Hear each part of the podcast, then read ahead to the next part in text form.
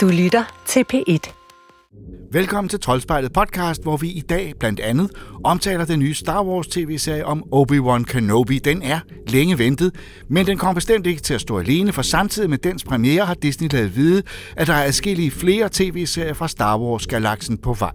Til august skal vi høre om figuren Cassian Andor i årene før Rogue One i 12 episoder, og næste år kommer så Skeleton Crew, som foregår i tiden efter Return of the Jedi, og her har selveste Jude Law sagt ja til en rolle. Til det kommer en stribe animerede Star Wars-serier, universet udvider sig, og vi skal nok prøve at følge med her i Troldspejlet.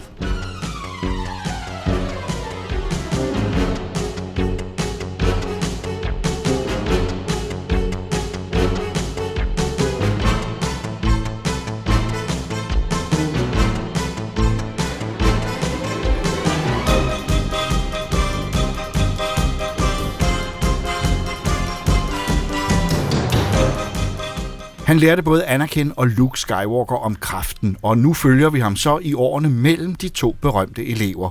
Ewan McGregor er Kenobi, som han var det i de første tre film, altså episode 1, 2 og 3, og Deborah Chow har instrueret, og Ida og jeg har set de første to episoder af Obi-Wan. They're coming. Stay hidden. Or we will not survive.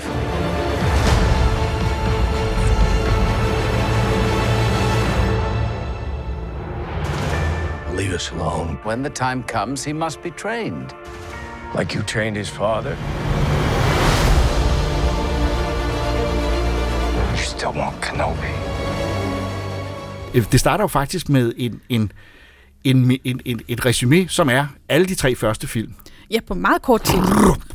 får man dem. Ja. Øh, Og der er jo nogen, øh, som øh, ikke er så store fans af de første tre film, vil sige, det er den helt rigtige måde at se dem på. Ved du hvad, jeg har genset dem op til, og, øh, og jeg synes, det var et dejligt gensyn. Jeg synes faktisk, de er langt bedre end deres rygte. Men inderst inden har jeg også altid godt kunne lide dem. Jeg har gået og påstået, at jeg faktisk ikke kunne lide de her tre film. Du har ikke tået indrømme. Nej, fordi der var sådan en generel konsensus om, at det var noget lort, og så tænker jeg, nå, jamen, jeg tør ikke være hende, der går frem og siger, at jeg synes, de er meget gode. Jeg synes faktisk, de er Og du rigtige. har også set, hvordan især, folk har været efter mig for at, at, at kunne lide dem, ikke også? at de, Hvad- de, hvad var folk er efter dig, fordi du godt kan lide Jar Jar Binks, og han er altså irriterende. Jeg kan godt forstå, at der blev skruet ned for ham i episode 2 og 3, men jeg kan især godt lide Revenge of the Sith. Jeg synes, at den er, det er en rigtig god actionfilm. Det er meget voldsomt, øh, den slåskamp, der er mellem øh, Anakin og Obi-Wan, som jo, hvor de Altså, Ja, det, det er, er så følelsesladet, men, men en ting er, at, det, at der er store følelser på spil, men det er altså bare virkelig flot øh, film. Det er flot slåsset, kæmpet af de her to med deres lysvær. Der er enormt meget energi, øhm, og, det, øh, og det blev sådan helt betaget af. Jeg synes, at altså, selvom det er en film, der er været 20 år gammel, så, så kunne det måle sig med noget, der blev lavet i dag. Jamen, øh, det er jo meget godt oplæg til, hvor vi så er nu, fordi det er jo i slutningen af Revenge of the Sith. Det er, øh, øh, nu er vi der, hvor... Øh, Den her tv-serie foregår 10 år efter Ja. øh, at Revenge of the Sith øh, sluttede, og 9 år før A New Hope. Så det er sådan meget godt lige midt Ja, imellem. ja. Og det vil sige, at øh, Luke og Leia er blevet 10 år gamle. de, og de er blevet anbragt. Ja. De. Obi-Wan, han lever i ørkenen på Tatooine, fordi han havde taget det på sin skulder at holde øje med Luke. Men Luke han bliver selvfølgelig opdraget af onkel Owen og Aunt Beru, øhm, som er de her fugtfarmere, som bor i ørkenen øh, på Tatooine. Men øh, Obi-Wan, han øh, har opgivet sine Jedi øh, livsstil. Han har begravet sit øh, lysvær langt ude i ørkenen, og han lever som slagter. Fordi at øh, Jedi's, de er altså jagtet vildt. Der er den her inkvisition, som, øh, som jagter de Jedi, som ikke blev udryddet med Order 66, som er et af omdrejningspunkterne i øh, Revenge of the Sith, hvor at øh, Anakin øh, er blevet en Sith, og ligesom tager hen til det her Jedi-tempel og bare slår dem, mejer dem ned. Men der er altså nogen fri rundt omkring, Ja, og det jagter de her inkvisitorer, og en af dem er især uhyggelig, og, og, og vi ser i starten netop nogle af dem, øh, og deres øh, nådesløse jagt på, på, på, på Jedi'er rundt omkring, og siger, et, et, det er noget meget mystisk, Jedi'er øh, jager sig selv. Jeg forstår det det helt, hvad der menes. Jedis, mange af de her øh, inkvisitatorer, inkvisitatorer er, har været Jedis og ligesom blevet Derfor. Til den onde side. Ikke? De er ikke blevet set som sådan, men øh, har jeg indtryk af, men de er i hvert fald... De er forrædere, det er da helt ja, sikkert. Ja, så, øh, så derfor så kan de også øh, fornemme hvis man bruger kraften, hvilket er en af årsagerne til, at Obi-Wan han ligesom han holder, tilbage, holder sig tilbage og ikke benytter sig af den. Altså han, han, øh, han virker, altså undskyld mig, han er en lidt trist søleskæbne på det her tidspunkt. Han sidder nogle gange og, og holder lidt øje med Luke og ser, hvordan han har det, men, men han nærmer sig ikke. Altså det er ikke, fordi de har en relation på nogen måde. Det skal så også sige, at onkel Owen, ligesom han gør i, uh, i A New Hope, han ligesom vil siger, du skal holde dig væk. det. Altså, Ja, du, han han skal ikke være, Luke skal ikke være pilot. Han, øh, nu er han vores dreng, og, og du skal holde dig væk. Han skal købe robotter sammen med dem, øh, Ja. som han gør senere. Han skal sørge for at passe sit arbejde på marken. Han skal ikke noget pjat Ja. øh, derude øh, i, i, i de store, store politiske ting, som, Ja. som vi jo ved, han skal. Men det er så noget andet. Ja, men så er det jo så det, der sker, at Leia, som jo ellers er blevet adopteret af Bail Organa og hans kone øh, på Alderaan, hun bliver kidnappet.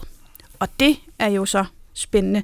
Så Bail Organa, han, øh, han kontakter Obi-Wan og siger, du er nødt til at hjælpe os. Du har svoret, at du vil øh, passe på de her børn. Nu overvåger du Luke, men altså, der er ikke nogen andre, der kan finde læger end dig. Så modstræbende, så er han nødt til at, at tage ud for at finde hende. Og det er så i første omgang missionen. Øh, øh, meget øh, traditionelt øh, og ordentligt anbragt i, sådan, i god orden, så man, så man forstår det. Det er ikke kryptisk eller mærkeligt. Det er en, øh, en, en kriger, der helst ikke vil være det, og som øh, øh, må indse, at øh, han bliver nok nødt til at gøre et eller andet. Og så er det så tidlige portrætter af Luke og Leia, øh, som vi jo kender så godt, og derfor synes det er sjovt at se, hvad der er, er, hvordan de var. Så altså, vi bruger rigtig meget tid med, øh, med Leia, som vi møder i skikkelse af skuespilleren Vivian Lyra Blair, øh, som fylder 10 år meget snart.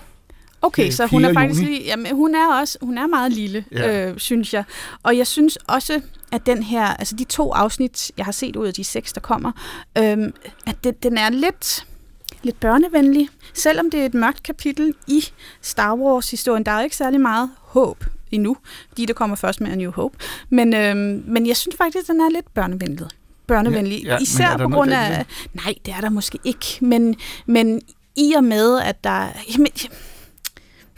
Hvordan skal man sige det? Jeg er sådan lidt forbeholden for det her. Jeg er ikke skuffet og vred og synes, det er kedeligt eller dårligt det her, men jeg er heller ikke begejstret over den her tv-serie endnu.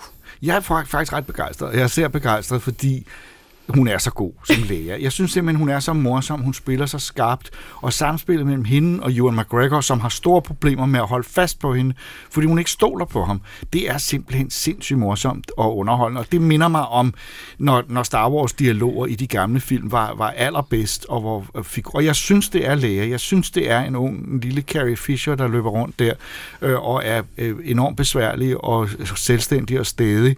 Øh, af en diskussion mellem hende og Ewan McGregor eller Obi-Wan går på, at han siger, hun er stedig, og hun siger, nej, hun er ikke, og det er bare sjovt, altså.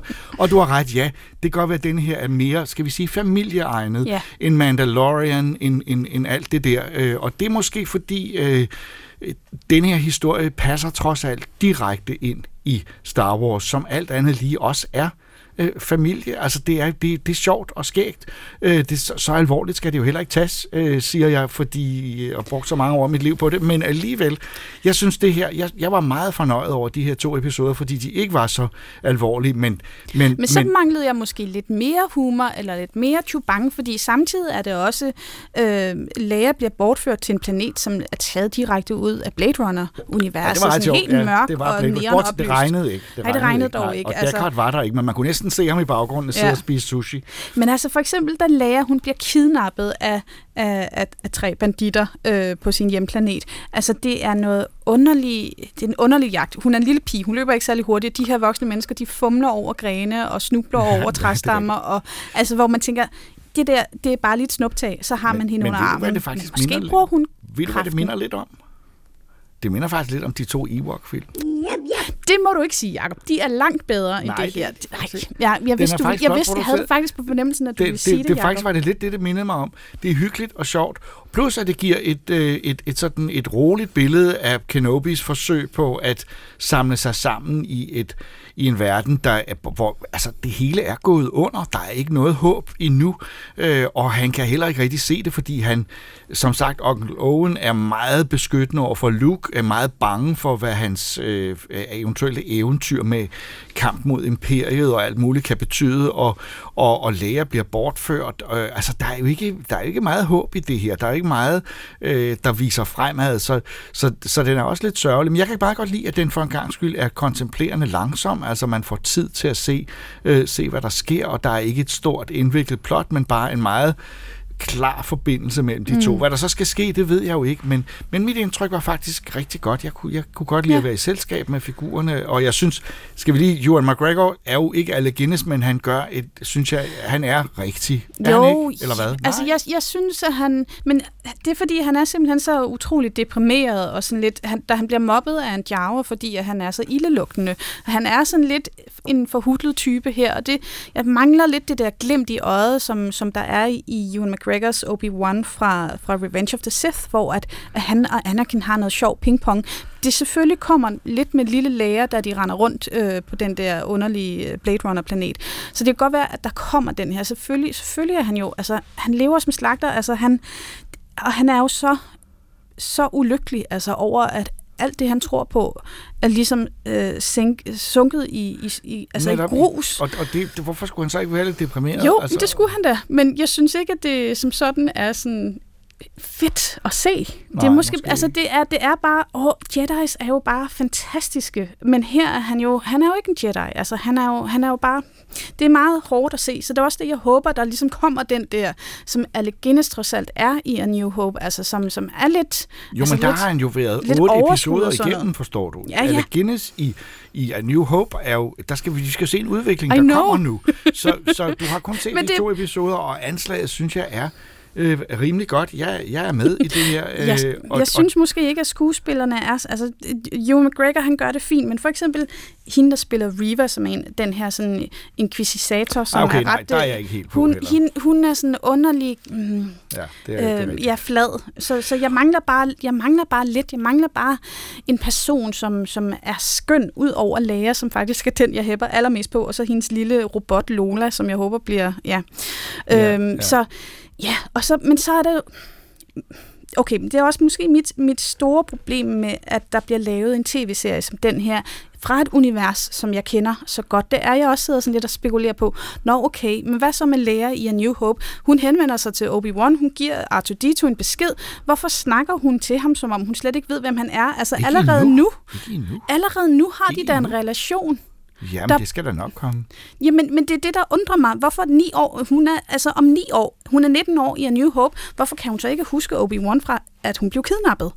Altså har de et eller andet med en black, at de får erased deres hukommelse eller sådan noget? Det er bare, det er farligt for fans som mig, når der bliver lavet sådan nogle nye tilføjelser til universet, fordi man sidder lige pludselig og nitpicker og, alle og du de har her fuldstændig fejl. ret. Øh, Jeg vil ikke sige, hvad det er, men i slutningen af episode 2 øh, er der også en samtale, hvor der meddeles en meget vigtig, øh, en meget vigtig øh, øh, oplysning om en af personerne, og den oplysning kan jeg ikke se, at vedkommende kunne have haft på Nej. det tidspunkt. Nej. Og nu kan jeg ikke sige mere, fordi så spoiler jeg det, men det er rigtigt, der er nogle løse ender, og, og, og vi må se, om der ikke i løbet af de otte episoder kan, kan komme lidt samling på tingene, men som sagt, jeg er positiv og, og, og, og, og glad for at se Obi-Wan igen, og, og, og være i ørkenen der, og se, hvordan han bor der, og jeg synes egentlig, han har det meget rart, at det er lidt irriterende, at alt det der sker senere, øh, men, men, øh, men vi kan jo godt sige, at, at det er, vi ser nogle ting her, som planter noget, vi kender i forvejen, øh, men, men, Men det er jo også risikoen, altså det er jo en af de her udfordringer ved at tale om en, øh, en tv-serie, som jeg har ventet på med, altså jeg har glædet mig så meget til det. Jeg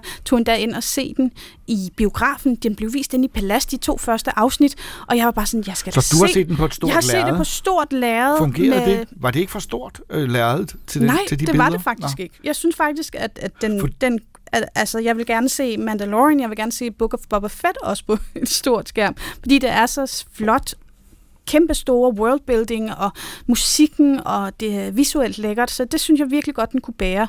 Men, øh, men altså, den er jo ikke færdig endnu, og det er sådan, men umiddelbart, jeg har sådan, I've got a bad feeling. bad feeling about this.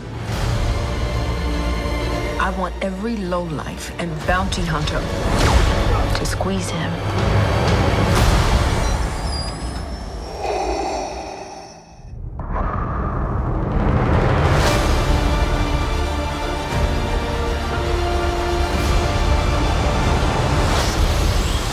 Blur Studios og Tim Millers animerede serie Love, Death and Robots, som kan ses på Netflix, fik fra første øjeblik ry for at være noget af det mest nyskabende og eksperimenterende inden for animationsfilm, og heldigvis har folkene bag fået lov til at fortsætte. Tredje sæson er netop ankommet, og det er som før en borget omgang science fiction fantasier med både robotter, kæmpe monstre og i dette tilfælde helt usædvanlige zombier. If you awaken from this illusion and you understand that black implies white, life implies death,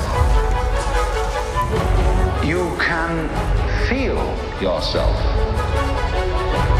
not as a stranger in the world, but you can begin to feel your own existence. Christoffer og jeg har set uh, Love, Death and Robots. Jeg vil sige, jeg, er, er, jeg holder så meget af den her serie, at jeg ikke har set dem alle sammen, fordi jeg, jeg gemmer dem. Ja, i stedet Jeg- for at binge dem. Jeg kan faktisk ikke lide at binge dem. Det har jeg sagt tidligere om Love, Death and Robots. Det er, um, øh, der er for, de er for forskellige og for, for meget på en gang. Jeg er bange for, at de glider sammen, og allerede nu kan jeg, hvis jeg har set tre, kan jeg have problemer med at huske den ene fra den anden. Ja. Var det der, hvor robotterne kæmpede mod et stort monster? Nej, det gjorde de ikke, fordi det var i den tidligere. Ja. Og det er kun et udtryk for, at jeg synes, at de er gode. Og jeg synes, øh, ja, tredje sæson, den er ret god. Ja, det synes jeg også. Øh, men igen også ligesom de tidlige sæsoner, der er højdepunkter, der er nogen, der er Ja, lidt mere altså, seværdige. Øh, men jo, alt i alt jo virkelig en flot sæson igen, kan man sige. Altså, fordi de har jo en enorm høj standard, alle sæsonerne, synes jeg. Øh, min personlige favorit, hvis jeg skal starte ud med det, Ja. det er helt, helt klart øh, afsnit 2, hvor de er på, på det store skib. Det havde jeg næsten gættet. Øh, Bad Traveling. Ja, Bad Traveling, ja, øh, af David Fincher øh, Ja. instrueret. Og det er jo også en, en stor kanon at have på som instru- Han er med som exec producer på det meste på hele serien, men her er han altså selv instrueret. Mm-hmm. Jeg synes, den er fantastisk. Og den, der er vi tilbage i sådan uh, sejlskibenes dage. Ja, præcis. Altså, det er jo sådan en Moby Dick-fortælling, eller hvad man skal sige. Ikke? Nå ja, de, det er det selvfølgelig. De ja. sejler ud og, og leder efter, øh, ja, jeg ved ikke, om de leder efter noget, men de bliver i hvert fald angrebet af sådan en kæmpe stor krabbelignende monster-ting, der Meget stor og vemmelig. øh, som går ombord på skibet, øh, og simpelthen bare forskanser sig nede i, i skibet. Øh, og så skal de jo ligesom tage stilling til, hvem, hvad gør vi med det her? ja, den vil æde dem. Ja. Altså, den er sulten. Ja, præcis. Og det vil jeg næsten ikke sige mere, vel? Fordi Nej. Det er jo sådan en, øh, hvem, hvem gør hvad, og hvem falder hinanden i ryggen, og... Altså, vi kan sige, der er en hovedperson, som, som øh, altså, der, han, der, der, der foregår en eller anden form for forhandling. Ja, Og det synes jeg er der, hvor den, hvor den virkelig øh, øh, bliver genial. Ja. Altså, den der forhandling mellem ham. Ja, Og og monstret, ja, den hæver sig på en eller anden måde og bliver nærmest... Altså, jeg føler på en eller anden måde, at det her, det kunne godt have været sådan en, en fortælling, der har været overleveret igennem øh, et par århundreder, ikke? Men det er Bad Traveling af David Fincher. Øh, øh, er der nogen andre, vi kan, vi kan fremhæve, eller er det... Altså, de er jo meget, meget forskellige. Ja, ja altså, jeg tror personligt, instant classic blandt fans i den her serie, det må jo være det, det første afsnit også med de tre robotter, som vender tilbage. Ja, dem kender vi jo fra den første sæson, Ja. øh, hvor, de, hvor de også øh, øh, opsøgte menneskehedens øh, ja, Ja. efter levnet fra mennesker. Ja, og jeg synes, den her den var mindst lige så sjov. Jeg var faktisk lidt bange. Lige da det tog frem på skærmen, så tænkte jeg, åh, den skulle man måske bare have ladet ligge, fordi den var så perfekt første gang. Men jeg synes egentlig, de klarer sig øh, fint igennem. Altså, den er mindst lige så sjov som den første. Absolut, absolut. Ja. Altså, det er også, det, det, det, det, her ser de på, hvordan overlevende mennesker efter øh, øh, Ja. den store undergang, Ja. øh, verdens undergang, hvordan de har forsøgt at overleve. ja. Og hvor ynkeligt det er, altså de ja. rige, der har forskanset sig et sted, og nogle andre, der, det er så, det er så, altså det er sådan pinligt på Ja. menneskehedens vegne, at vi ikke bare at, har lagt os ned og døde. Præcis. Og, og, ja, og det der med, at, man, at nogen tænkte, at jamen, vi kan da bare overleve på, på salt, kød og, og, og patroner og sådan noget, ikke? eller andre, der tænker, at hvis vi bare bor ude her på havet, så skal det nok gå. Og, altså, ja, det er jo direkte dumt, men det er jo det, der gør det så sjovt. Jeg synes, det, jeg synes de kommer rigtig godt fra start så, øh, i den her sæson med afsnit 1 og 2. Jeg ved ikke, efter det, så begynder jeg måske... Altså, hvis man, hvis man har travlt, så tror jeg bare, jeg vil øh, skynde mig at se de første to afsnit, og så efter det, så skal man Præcis. ligesom... Det er et Ja. godt råd, tror jeg, fordi jeg tror, mange af de senere episoder vil vinde, ved at man ikke har set dem i træk, selvom man har en fornemmelse af, at det vil være fedt at se en mere, en mere, en mere. Ja. Øh, så så, så øh, det er ligesom om, det glider lidt sammen. Der er en fantastisk episode, øh, hvor øh, en gruppe kommandosoldater slås mod et kæmpemæssigt øh, bjørnemonster. Ja. Ja. øh, som, jeg, som, som, som jo er en er genmodificeret øh, dræbermaskine. det synes jeg er fantastisk. Og så ja. Ja. er der et afsnit om nogle zombier. Ja, der hvor der er to øh, unge mennesker, der er taget på en kirkegård, tænker du? Ja, Øh, ja præcis. hvad Det det, starter den, som Night of the Living Dead. Ja, den hedder så Night of the Mini Dead, fordi Ja. ja. den, den foregår i sådan en miniatyrverden. Det er nærmest som om nogen har bygget en, en by øh, i, i bitte, sådan en lille bitte skala. Eller nogle gange så ser man også i film, at det er filmet det, der hedder Tilt Shift. Det ser sådan meget, det er meget det er miniatyr lidt ud. det på den måde, ja. Øh, og og, og den, den er sådan speedet op på sådan en komisk måde, og man kan næsten ikke høre, hvad det er, de siger, fordi det, det er speedet op. Man kan lige fange et par ord en gang med dem. Øh, og det er simpelthen bare to, som er ude på en kirkegård og, øh, og så at sige hygger sig, og får så startet zombie, zombie øh, undergangen. Apokalypsen, Ja, altså. ja. Øh, og så, hvordan er de her zombier bare stormer hele verden? I, øh, Det er ligesom alle, alle moderne zombiefilm på én gang. Ja. Øh, og så med en, hvad skal man sige, der er, ikke, der er ikke nogen mellemspil med menneskelighed og forståelse. Det er bare angreb på angreb på angreb, og øh, øh, alt, øh, den der måde, de er alt ædende på, er virkelig morsom. Det er som at se nogle myrer, der angriber en picnic.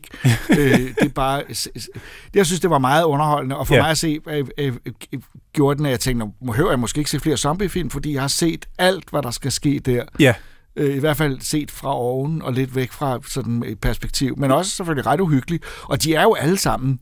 Det er jo horror på den ene eller anden måde, og sci-fi. Ja. Det er øh, øh, både heavy metal og de gamle EC-hæfter og gru øh, på én gang. Øh, og øh, og så lige krydder man en lille smule det der cowboy-indianer hest-humor, hvor, hvor man sådan det er tænker, det. Ja, det er sådan helt, det. helt skørt, men også rigtig sjovt. Jeg tror noget, du skal glæde dig til, som jeg, jeg tænker, du måske ikke er Ja, nået jeg har til. kun set til og med, jeg tror, jeg er nået til episode 6. Ja, øh, du skal glæde dig lidt til den, der hedder Masons Rats, Det er syveren. Øh, øh, hvor en, en ældre herre, han har en øh, bondegård, og ude i laden, der øh, bor der nogle rotter.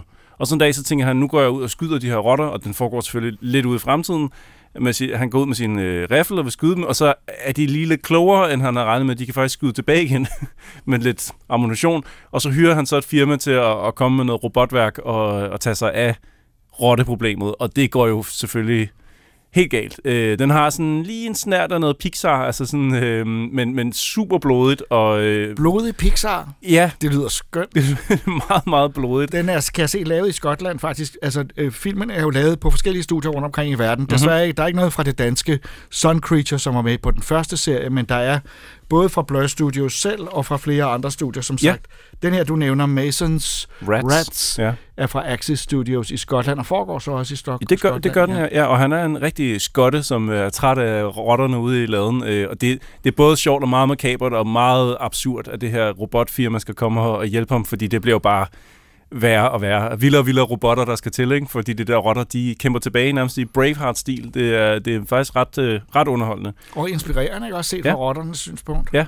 Jamen, øh, den vil jeg glæde mig til, og jeg synes øh, generelt, uden at jeg har set dem alle sammen, at det her er en, en varm anbefaling, og tak øh, til Netflix, der trods øh, visse økonomiske problemer med frafald ja. Af abonnenter og alt muligt, stadigvæk har haft øh, overskud til, eller lånt sig penge til, at, at få lavet den her slags ting, fordi det er jo ikke kommercielt, det her, øh, og det er ikke mainstream, og det er ikke sådan noget, som der normalt vil blive råd til, og det vil aldrig være noget, der kunne komme i biograferne, eller i normal tv, Nej. Øh, Så for mig at se, at det er sådan noget, der definerer en af mine grunde til, at jeg godt kan lide Netflix, Ja, men uanset alt. Og du har helt ret. Jeg kan samtidig også lige blive lidt bange for, at vi ikke får en sæson 4, ikke? når man hører, Ja. at de er så meget i modvind. Ja. Men, Ja. øh, Jeg har også hørt, at der er nogle af deres animationsprojekter, der er blevet sat på standby indtil videre af økonomiske grunde. Men så omvendt tror jeg, at det her det er så vigtigt for dem. Jeg håber, det er så vigtigt for dem, at der kommer en sæson 4, fordi øh, jeg kan ikke øh, få nok af de her korte historier, og også selvom jeg er virkelig varmt øh, øh, advarer mod. Kan man advare varmt? Det gør jeg mod at, øh, at se dem øh, for mange gange oveni, altså i, i, i for meget, øh, i, altså ikke se dem på én gang. What you are basically is the fabric and structure of existence itself. The universe is a celebration. Frank Herberts Dune-univers har udover filmene inspireret flere computerspil. Det nyeste udkom i Early Access i april med undertitlen Spice Wars, et strategispil om imperiebygning og magtkampe. This is Arrakis, a world of sand and death, brimming with terrible dangers, only matched by the resources and secrets it holds. Of these resources, none is more precious and coveted than the spice. But whatever you hope you'll find here, you cannot be prepared for what's waiting for you. Ja, Ja. Benjamin, så øh, nu har du, nu, du har også anmeldt et spil i dag, og det øh, var et spil, som øh, jeg så traileren til, og så sagde jeg, Ja. det der, det er et Benjamin, han skal anmelde. Jeg, skal ikke. jeg så, fordi det, det hedder Dune, Spice Wars, Ja. og øh, jeg spillede det originale Dune RTS-spil, Nå. som jeg tror ældre end du er. Ja, det, det, ikke er det nok højst sandsynligt. Og øh, en del ældre måske endda. Og mm. altså, der var det jo øh, pixelgrafik Ja. som, med pixels så store som øh, småkager. og, og jeg var mega vild med det. Jeg synes, mm. det var mega fedt. Det opfandt faktisk mange af de systemer, som, som vi øh, så øh, senere hen i Command Conquer og Mm. mm. Red Alert og sådan nogle spil. Ja. Øhm, så det var jeg helt vild med. Så når, jeg så hører, der kommer et nyt Dune-spil, Ja. et nyt Dune RTS-spil, så bliver jeg jo Mm. helt vild i varmen. Og så så jeg traileren til det, og så så jeg, åh oh, nej, de har valgt at gøre alt muligt nyt, som jeg ikke kan lide. Nå, men så, så, Ja. så, så må Benjamin tage sig af det, fordi Ja. han øh, ved lige, hvordan den her skal skæres. Så du må lige fortælle mig. Yes. Det er jo et RTS-spil, men er et der RTS-spil. er mange andre elementer Ja. ind i det. Så du, Altså, jeg tror nærmest, det vil være bedre at kalde det her for en 4X RTS. 4X RTS. Øh, og, og 4X er jo det, det er jo expand, exploit, exterminate og... Excelsior! Nej. Ikke, nej. nej, vent. Ikke, nej, vent.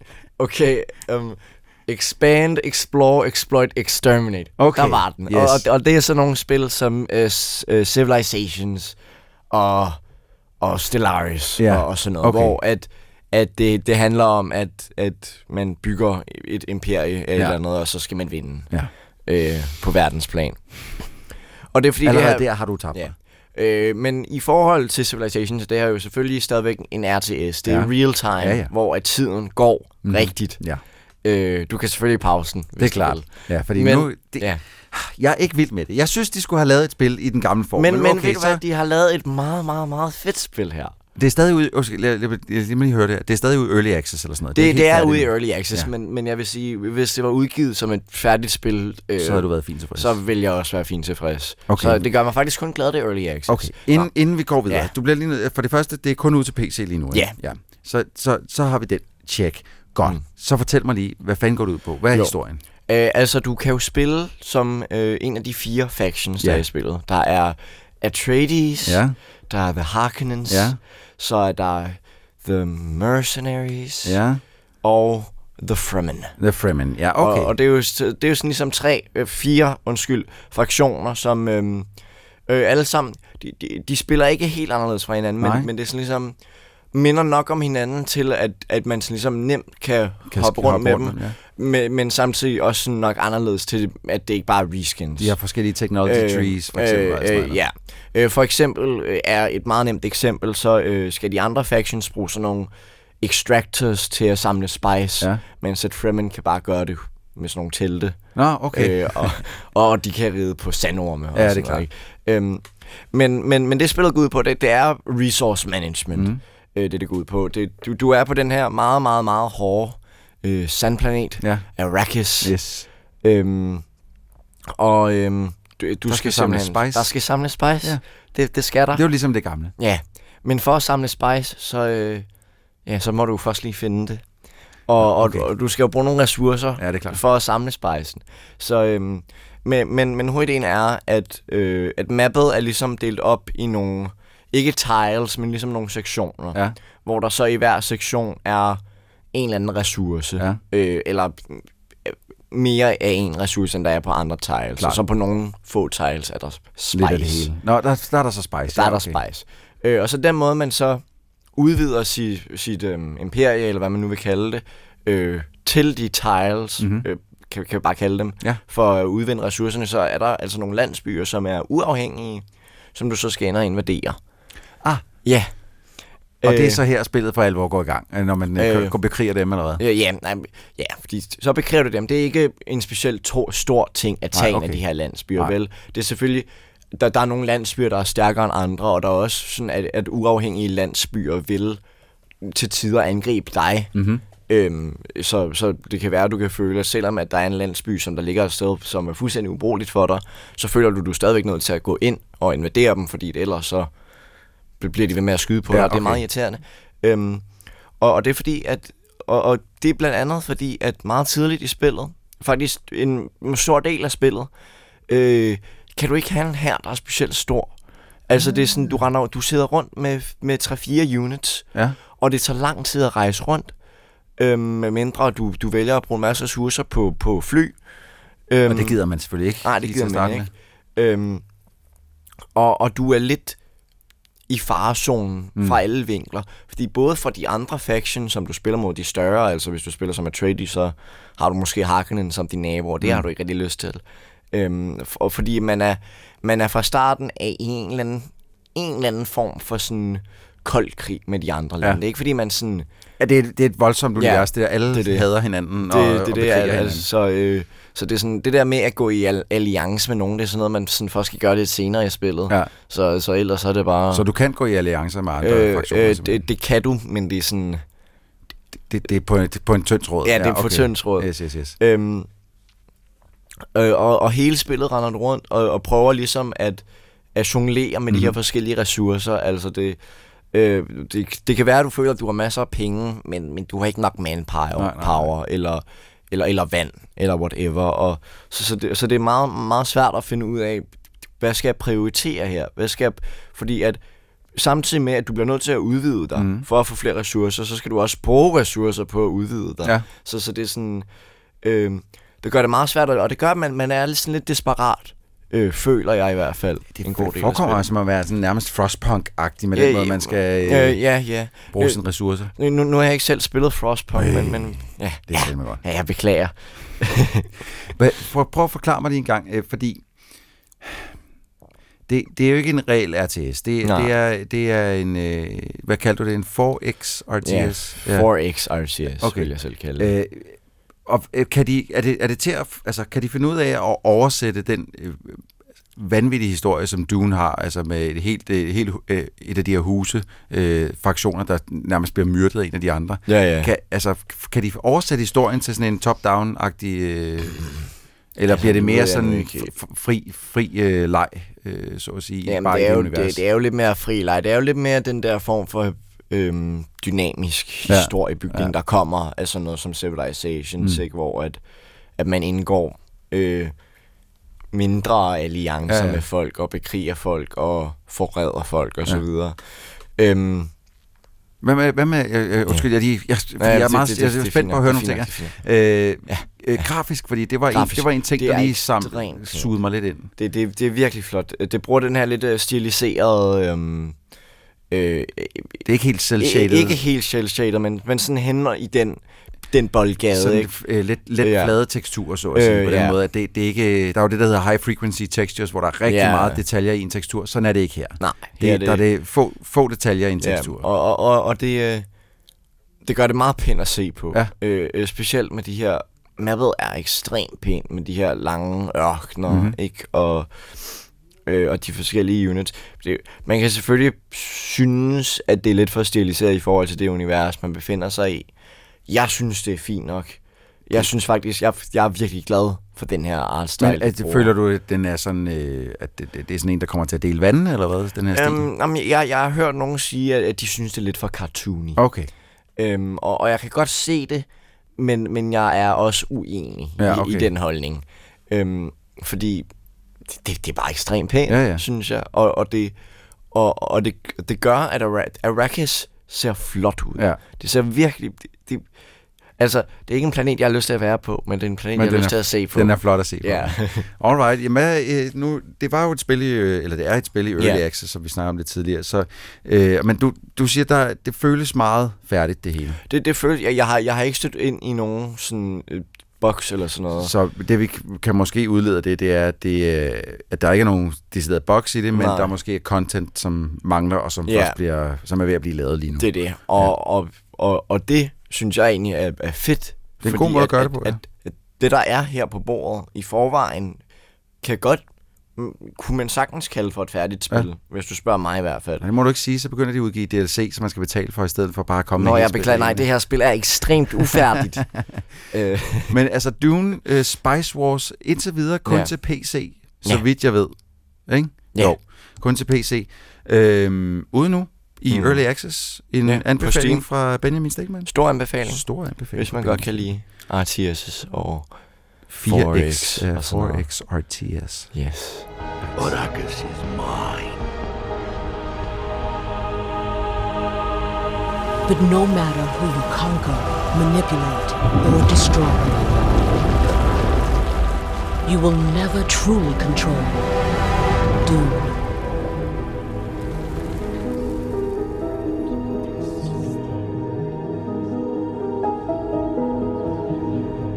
Chip og Chap, Chip and Dale, sås første gang i en Pluto-kortfilm fra 1943, men det var i en hel række film af Jack Hanna, hvor de to jordæren kæmpede mod Anders And, at deres berømmelse blev slået fast. Mange år senere fik de så en helt ny karriere som detektiver i Nødepatruljen, der løb i 65 episoder fra 1989 til 90. Men hvad skete der med dem, da serien lukkede? Det får vi svaret på i en ny film på Disney+, Plus, Chip og Chap, Nødepatruljen, og den har vi set.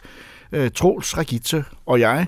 What if I did something like... I am into nuts. good, good, I love it. Great stuff. Just want to remind you guys I'll be at FanCon this afternoon. Hey, watch out! I'm keeping myself fit and, you know, my updated modern look. Don't you think you'd have more fans here if Chip did these events with you? I hadn't thought about him in a while. I should give him a call. See how life's treating him. Life is the worst. Which is why you need good insurance. Det er noget andet end en normal øh, animeret sådan spin-off. Øh, Jeg ved det, ikke, hvad du mener. Det ved du godt. Jamen, så må I fortælle, hvad det går ud på. Skal jeg give det et, et Det skud? kan du godt, ja. Jamen altså, øh, Chip, Chip og Chap er blevet, Chip and Dale er blevet altså, frygtelig uvenner øh, over, at øh, Dale han vil have sin egen serie, som hedder... Uh, again. Okay. Nej, 0 double 0, nej, 0, 0 double 0 Dale. Ja, noget. sådan noget derhen. O double O Dale, ja. ja. Øh, og øh, og det, det har skabt en rift imellem dem, og så har de ikke set den anden i en del år. Øh, så mange år faktisk, at, øh, at Dale har fået en, en plastikoperation, så han ikke er 2D længere, men, men 3D. Jeg elsker, du griner, fordi det er så traileren, der var jeg også helt færdig at grine over det der med, at kommer og har fået en CGI-operation, for det er verdens bedste idé. Ja, fordi det er jo det, vi alle sammen, når vi sidder og ser, vi har set, øh, vi har både set, øh, øh, hvad hedder det, Alvin and the Chipmunks, Ja. Som der også refereres til i den her film. Mange gange, ja. Øh, og vi har også set øh, øh, andre film som Smølferne og andre, Ja. hvor, der, hvor, hvor øh, klassiske 2D-figurer bliver løftet over i 3D.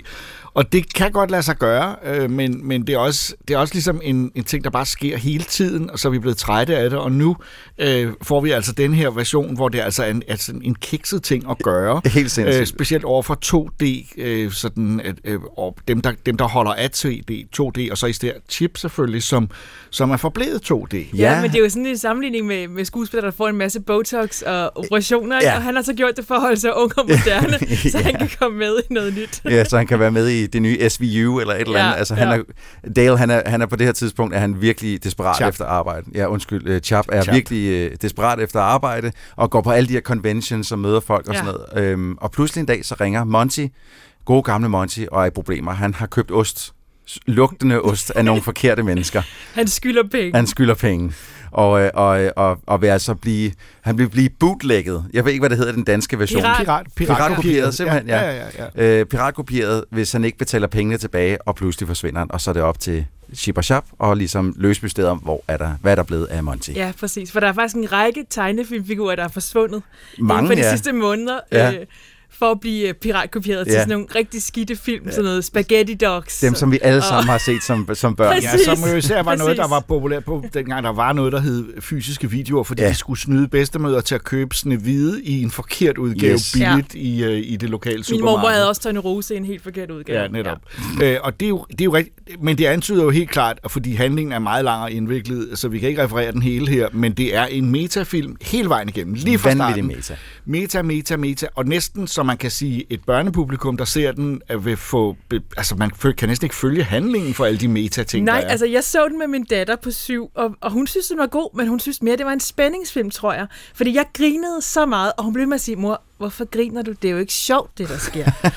hun, så hun forstod slet ikke de der jokes, som, Nej. der handlede om animationshistorie og, og alle de der meta-ting. Altså, jeg, jeg grinede så meget til den her film. Øh, Den første, den, det første sådan rigtig store grin, men ikke bare et grin, men også sådan en, en lettelse over en, en film, som jeg synes havde hjertet det rigtige sted. Øh, Det var på et tidspunkt, der ser man øh, Chip komme gående ned ad gaden med, øh, Han har AirPods i, som sidder i virkelig åndssvagt, fordi hans ører sidder selvfølgelig oven på hovedet, og ikke på siden af det, og så sidder de sådan mærkeligt ud, som jeg synes, det er ret sjovt. Det der, så kommer han hjem, og lige da han tager høretelefonerne længere af, så kører Lamb of God med Late to Rest på. Ja.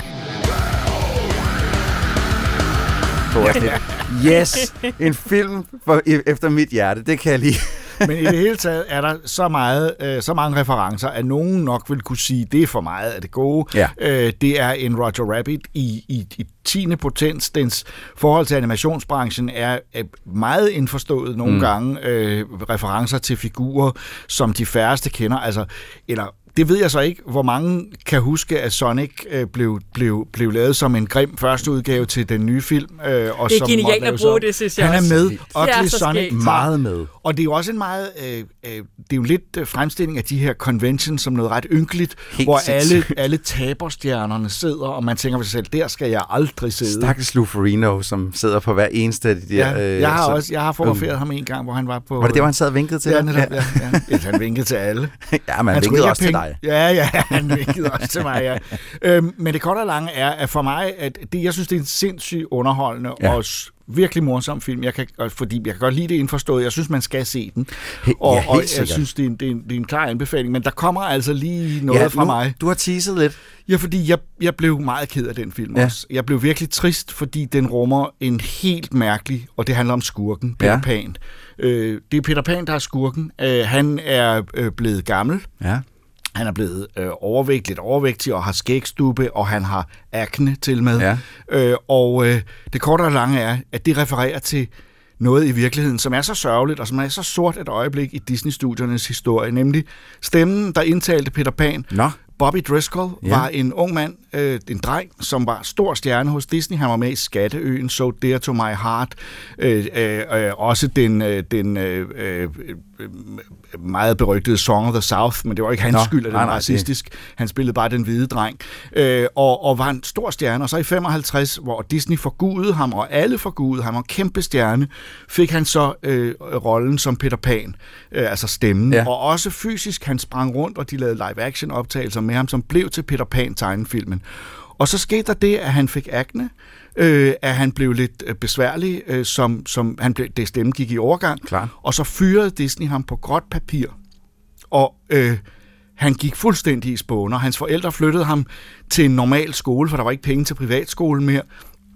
Og han blev øh, skældt ud af si- og, og, og hånet af sine venner og sine wow. kammerater der. Kom tilbage på privatskolen, men det kunne ikke rigtig, rigtig rette op på det. Og til sidst endte det med, at han, altså, han gik helt i hundene. Fuldstændig. Ja. Øh, han, han døde i 1968, blev fundet øh, i en tom bygning i East Village i Manhattan, efter i nogle år har været en del af Andy Warhols slæng som avantgarde-kunstner, men først og fremmest som total heroin øh, øh, misbruger.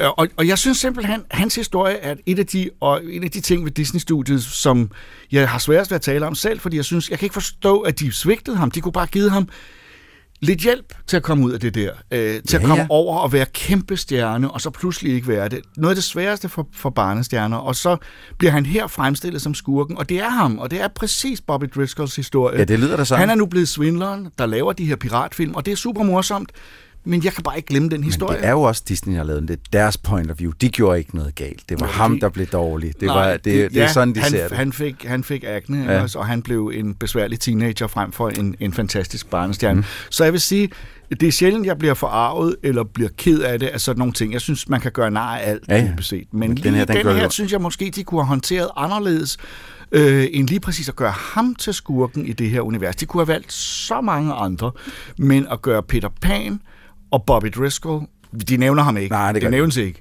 Men det er så tydeligt, det er hans historie. Jeg synes, det er lidt Jeg en beklager, ned, jeg- nedtur at jeg- slutte sådan en... øh, Jeg, en jeg en ødelægger ellers, det øh, lidt for jer, men jeg kunne ikke lade være, fordi øhm, jeg så den og nød den, og pludselig Så, øh, så, så faldt kom han ind sammen. på banen, og pludselig mærkede jeg den der, øh, og, og det der med, altså Bobby Driscoll blev fundet i den der død af heroinmisbrug i en forladt bygning i, på Manhattan, og øh, blev begravet, uden at man fortalte hans mor det, fordi man ikke kunne identificere ham. Den her historie bliver værre den er og værre. Den er så værre og værre. Og Disney-selskabet har aldrig sagt undskyld, og de har aldrig sagt undskyld, Bobby, det var fandme, det skulle, vi skulle have taget os af dig. Ja.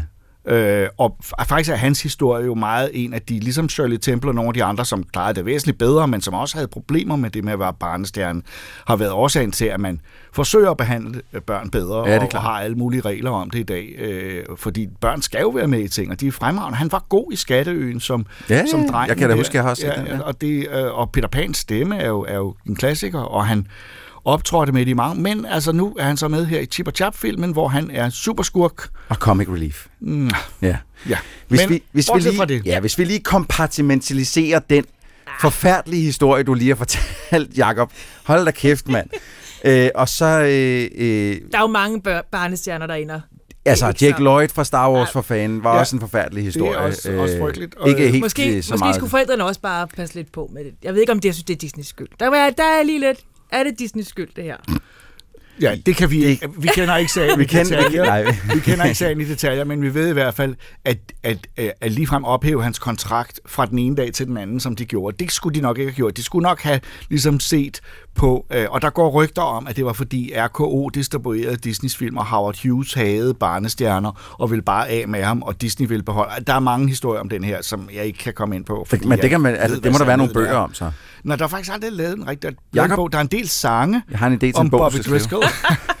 der er lavet en del sange om Ja. Bobby Driscoll, øh, som, som, øh, fordi han er en, øh, en, en, en uhyggelig legende. Ja. Især fordi han endte i de der øh, også i Andy Warhols slæng af mærkelige avantgarde-kunstnere og prøvede at blive maler, og de samlede ham op, eller det gjorde de jo ikke, de udnyttede alle Øh. dem, der kom ind i det der, og så ender han på den måde. Så det, mm. Mm. Ja. Nå, men den her film Ja. er Chip og chap og god. heroinmisbrugeren. ja. Jeg kan, kan det. Ja, så lige for, øh, hvis vi lige skal ende den her, øh, Ja. øh, i stedet for at ende den nede i bunden, så lige ende på toppen, så vil jeg sige, øh, hvad, hvad er det, hun hedder, hende mekanikeren øh, i... Øh, Dempsey. Dempsey. Hende og, og ildfluen Summa. er blevet et par, Ja, det er og har så fedt. fået Det er børn oplagt, sammen med den her. De har bare... Det og Summa er blevet kærester, og de har fået 42 børn. Det er og fordi det er en fuldstændig mus sindssygt. og en flue, så ser de her børn jo Rimelig freakish ud. rimelig freaky ud. Nu så jeg den på engelsk, og ved I, hvem det er, der lægger stemme til fluen i den engelske version, den amerikanske version? Det er Dennis Haysbert, den dybeste stemme i hele USA. så den der dybe stemme, der kommer ud af den lille, lille flue der. Men det er jo også en sjov ting, fordi Chip og Chap taler jo også normalt. Det gør de. Og de Undtagen, når de lyder- skændes. Præcis, undtagen når de skændes, og når de filmer nede på patruljen, Ja. ja. så skal de lyde som Jorian. Så det er jo en så stemme, skal de det lyde som i påtager gamle sig. dage i de, de korte Ja. ja. film. Ja. Det er Ja. ret sjovt. I øvrigt, den danske tale kontra den engelske, jeg må indrømme, jeg skiftede faktisk lidt frem og tilbage. Ja. Ja. Det er lidt mærkeligt at Ja, gøre det gad jeg ikke. Nej. Jeg så den først på dansk, og så Ja. har jeg set øh, noget af den på engelsk Ja. bagefter, og det er en sindssygt god øh, engelsk dub. Ja, der er ja, så mange stjerner med, den ja. er så sjov. John Mulaney og Andy Samberg, Ja. du kan bare ikke ramme deres øh, kemi øh, på andre sprog på den måde. Det, kan, det, det går ikke. Altså, det, er Det, eneste, godt. der, der er også virkelig mange sjove plakater med den der film, fra film, der ikke findes. Ja. Er det Der, rigtigt? Det er noget, jeg slet der er så mange. Der er for eksempel Batman vs. E.T. Ja, den Der er se- god. Og de viser Den en er klip, hvor man ser E.T. dør i Batmans Ja. Batman, I forgive Ja, you. og så siger Okay. han bare, fuck. Ja, det, er, det er så skægt. Og der er en Mr. Doubtfire med uh, Meryl Streep, Ja, øh, og der er en Lego Miserable. og, og Ant-Man. Og nu Ja, skal I ikke ja, afsløre præcis. alle de ting. Ej, det er men det kan vi heller ikke Det er på bare, en hel det er time, bare, for man kan bare sidde og kigge, på- når de går på gaden, så er der filmplakater over det Ja, det er hele. og virkelig det, er, sjovt. det er så skægt. Det eneste, der irriterede mig i den her film, det er, at de nævner en masse episoder for Nødpatruljen. Det er rigtigt, ja. Og kun halvdelen af dem findes i virkeligheden. Nej, det er løgn. Det, det synes jeg er irriterende, fordi de nævner nogen ved navn, som findes, og så nævner de nogle tal, episodenumre, som ikke findes. Nå, Så er sådan lidt, ej, enten så skal de findes, eller også så må de, altså, det Men der du har med... tjekket det? Ja, selvfølgelig. ja, selvfølgelig. Jeg er jo kæmpe Fordi det er sjovt, jeg sad faktisk og tænkte, at det, det, må jeg, det, det, det var da lige om jeg kan øh, se bagefter inden Ja. Disney, men øh, det, jeg nåede bare ikke Ja. så langt. Jeg vil sige, at jeg synes, at det er jo helt klart, at vi giver den her film en anbefaling. Jeg vil bare sige, i tillæg til det, så synes jeg, at jeg kræver af alle, der ser det, at de også ser Peter Pan på Disney Plus på engelsk og lytter til Bobby Driscoll og Ja. lige tænker lidt positivt om ham. Jamen, det er Er det stadig den gamle version, der, der er den ikke lavet om, tror Nej, du? men engelske det bliver aldrig lavet Nej. om. Nå, Det er kun de danske, der Ja. bliver lavet om. De engelske originale er altid den originale udgave. Så det er Bobby Driscoll, man kan høre i Peter Pan. Skru over på engelsk lyd, hør ham og giv ham lige en, en sidste hilsen. Se Skatteøen, måske lige springe Den over er Song of the South. på, øh, Nej, den er ikke der. den er ikke på Disney Plus desværre. Og Song of the South er slet ikke nogen Den steder, er ikke nogen for steder, den er forbudt, forbudt, Ja, den springer vi lige over. Mm-hmm. Øh, og hvad var den sidste, du sagde? Skatteøen? Og... Der er en, der hedder So Dear to My Heart. Jeg kan ikke huske, om den er på Disney+. Plus. Så i hvert fald bare Peter Pan og lyt til ham, så, øhm, så har man givet ham øh, lidt credit efter, efter nedturen. Welcome to Neverland. Neverland? All it takes is a little bit of pixie dust. There it is, Wendy. Second star to the right, straight on till morning. Oh, key to it, just as I've always dreamed it would be. Den amerikanske tegner Craig Frank er kendt for sit arbejde på animationsfilm som Rejsen til Saturn og Jensen og Jensen, men nu har han kastet sig over tegneseriemediet sammen med en anden fra animationsbranchen, nemlig Axel Stuttgart, der både har arbejdet med traditionel 2D-animation og især digitale effekter, da han var med til at stifte det danske VFX-firma Ghost. Han har skrevet manus, og Craig Frank har tegnet to nye udgivelser. En lille, øh, lille hæfte, som hedder To the Bone, og en lidt længere historie i samme stil, som hedder øh, øh, Grå.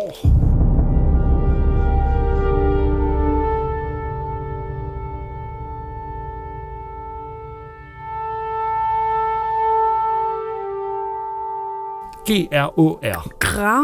Nej, grå. grå. grå. Grå. Ja, Er det et å? Ja, det er et å. Det Jeg skal- troede, det var sådan noget islandsk et eller Det er det andet. også, men øh, jeg tror, det skal udtales grå. Nå. Øh, og som er lidt længere. Men de hedder begge to, nummer et øh, og to i en serie, som hedder Outstanding Issues. Ja, ja. Øh, og den ene er en øh, meget traditionel øh, horror sci-fi historie Ja. øh, med en tidsrejse, som går helt galt.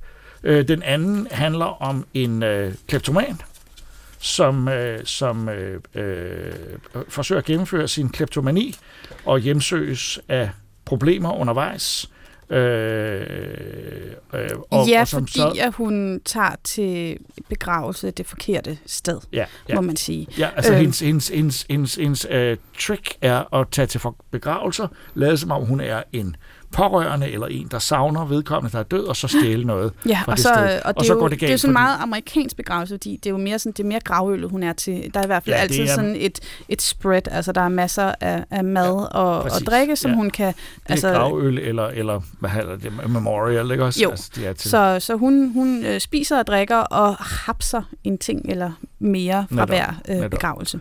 Meget usympatisk. Ja, og, og, men også, øh, det, er jo en sygdom at have været kleptoman. Det er selvfølgelig rigtigt. og det vil sige, hun, hun, hun, hun, hun, og hun behandler det som en misbrug. Hun siger hele tiden, det her, Ja. det må jeg ikke, jeg skal stoppe nu, det er sidste gang, jeg gør det, og det er det så aldrig. Men så hjemsøges hun af noget, som øvrigt er noget nordisk mytologi-agtigt. Ja, det, øh, det, jamen nu, nu er vi gået i gang med græs, men jo egentlig er, Det er er, nummer to, og det ja. er også den største, så det er også den, der er mest at tale om.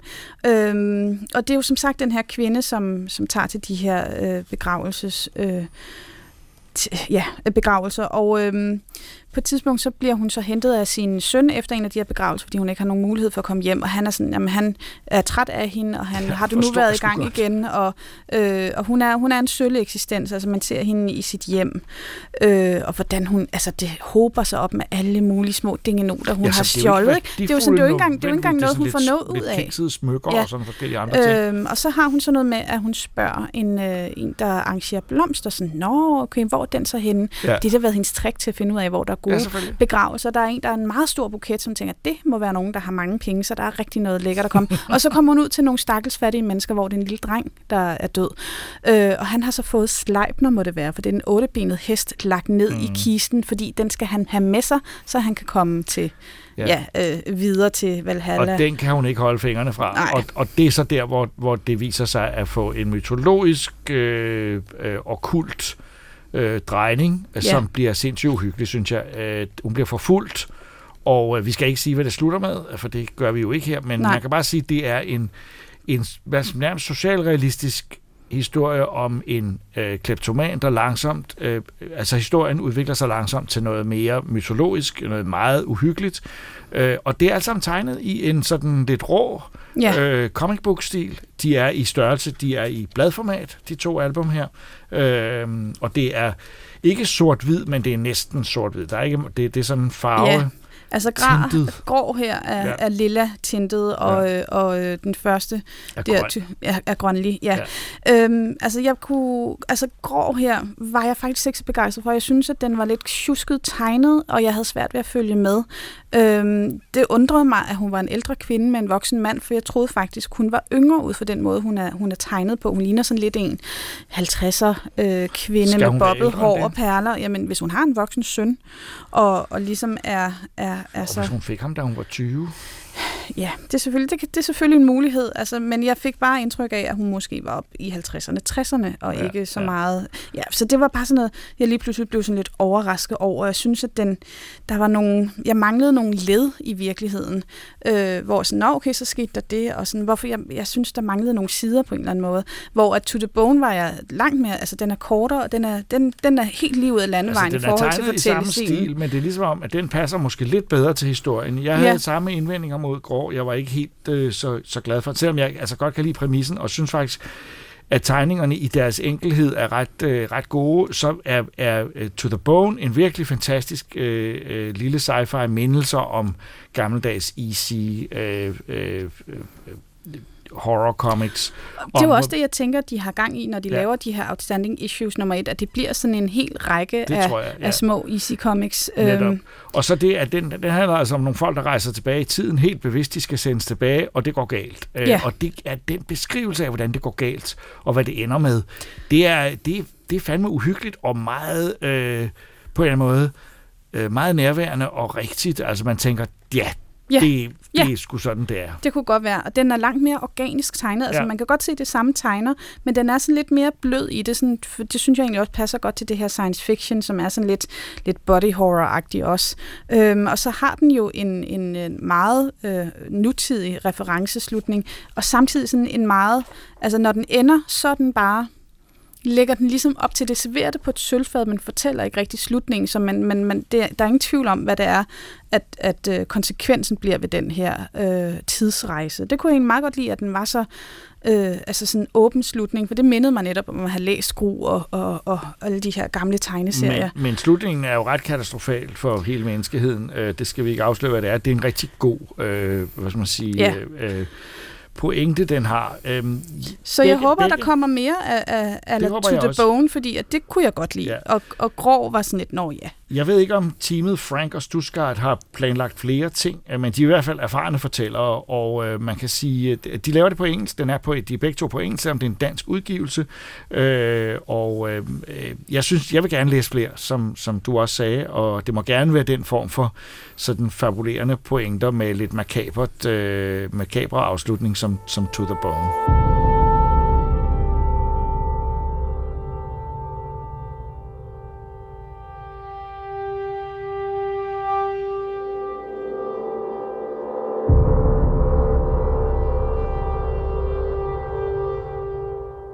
Rebecca F. Kwangs første bind i The Poppy War-trilogien udkom oprindeligt i 2018, men er først blevet oversat til dansk nu. Og det er egentlig lidt af en gåde, hvorfor sådan en bemærkelsesværdig debut skulle vente fire år med at udkomme herhjemme. Men nu er den her altså med titlen Opiumskrigen.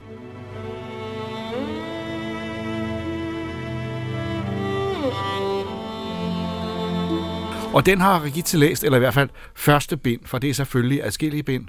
Det er, det er en trilogi, så Det er der en trilogi. er tre bind, som der, Der er ofte tre- er i trilogier. Øh, ja, et første spørgsmål, inden vi går ind i det. Kan det lade sig gøre at skrive bøger, der ikke er trilogier i dag? Jeg synes, vi har dem Ja, ret og, ofte. og det sjove er, at det her føles også som flere bøger i en, så det kan godt være, at der har været flere oprindeligt, og så har de sådan kogt det ned til en trilogi, det ved jeg ikke. Det er i hvert fald en, øh, den er ikke så, så kæmpe tyk som nogle bøger, men den har Den er alligevel... 550 sider, Åh, cirka. gud, det er jo overkommeligt. Men altså, vi er, så vidt jeg har forstået, i den, øh, det, det, der er en realistisk baggrund fra den øh, japansk-kinesiske krig. Ja, præcis. Den, øh, den er desværre, vil jeg næsten sige, inspireret af virkelige begivenheder. Ja. Den foregår i Nikan, øh, som jo så er, skal, er baseret på Kina, Ja. øh, som er et stort imperium med 12 forskellige provinser opkaldt efter de kinesiske stjernetegn.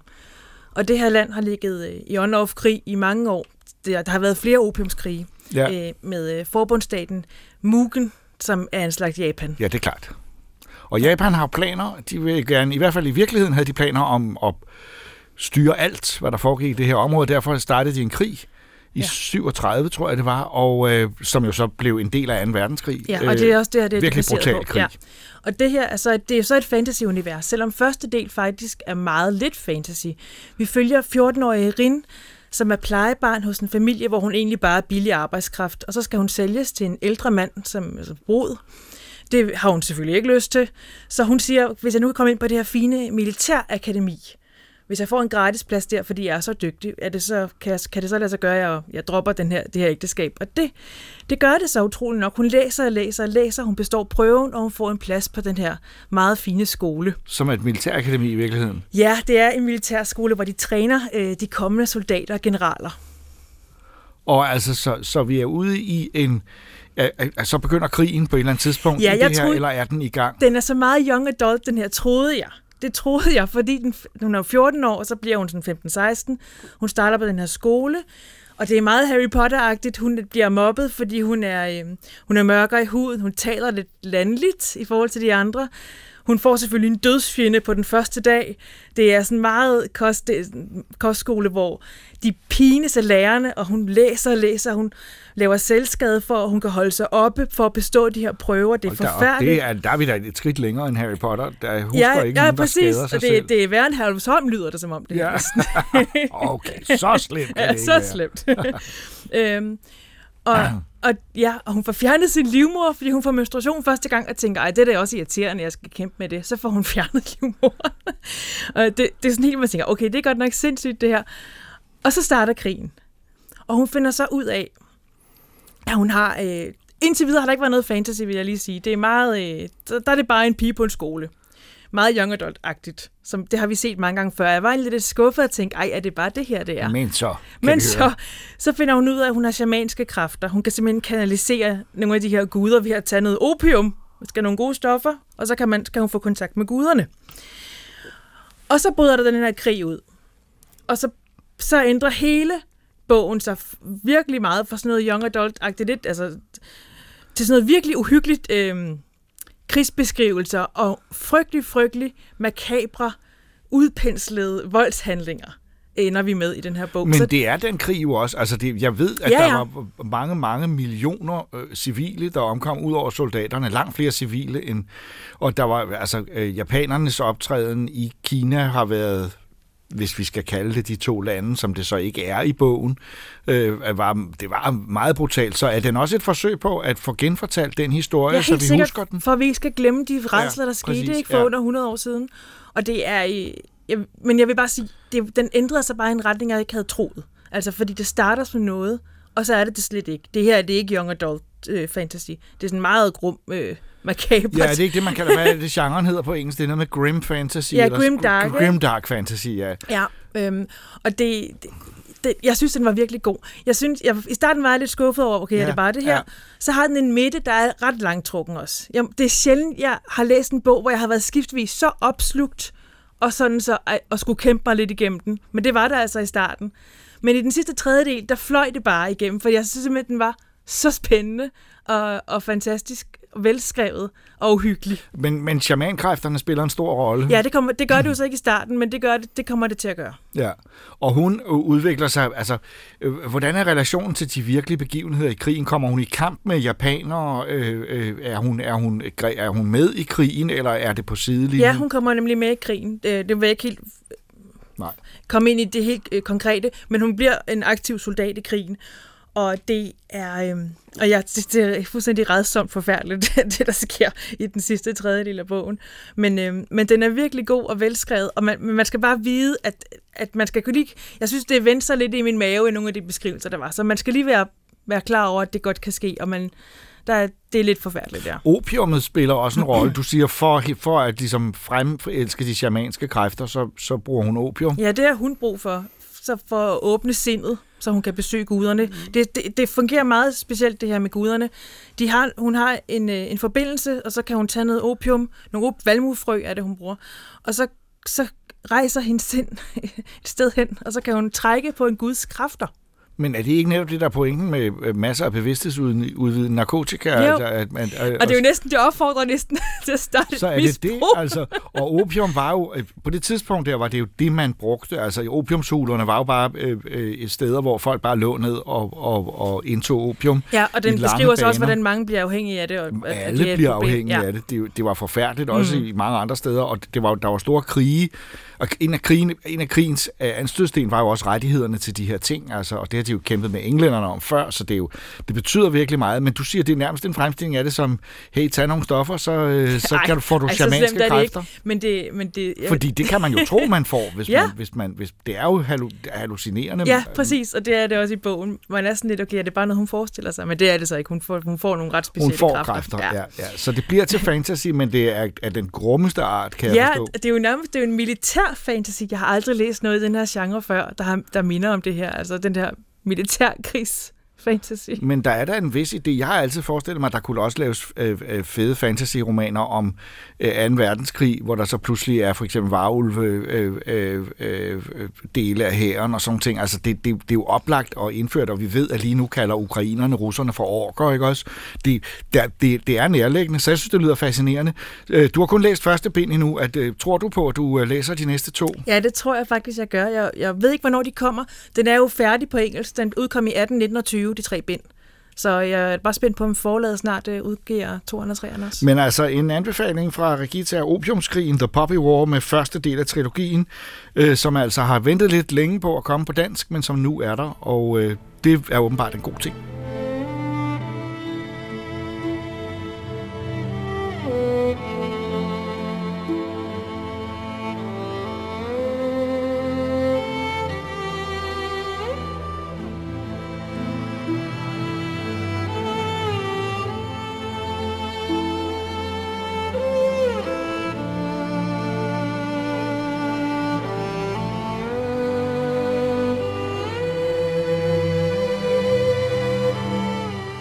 Troldspejlet podcast er slut for denne episode. I studiet var jeg, Jakob Stelmann, Regitze Heiberg, Troels Møller, Benjamin Stelmann, Christoffer Andersen og Ida Rod, der også klippede programmet.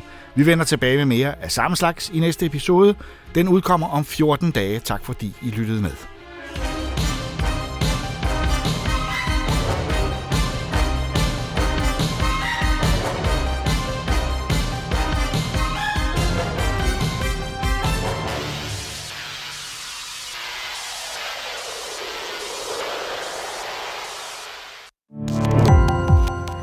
Gå på opdagelse i alle DR's podcast og radioprogrammer. I appen DR Lyd.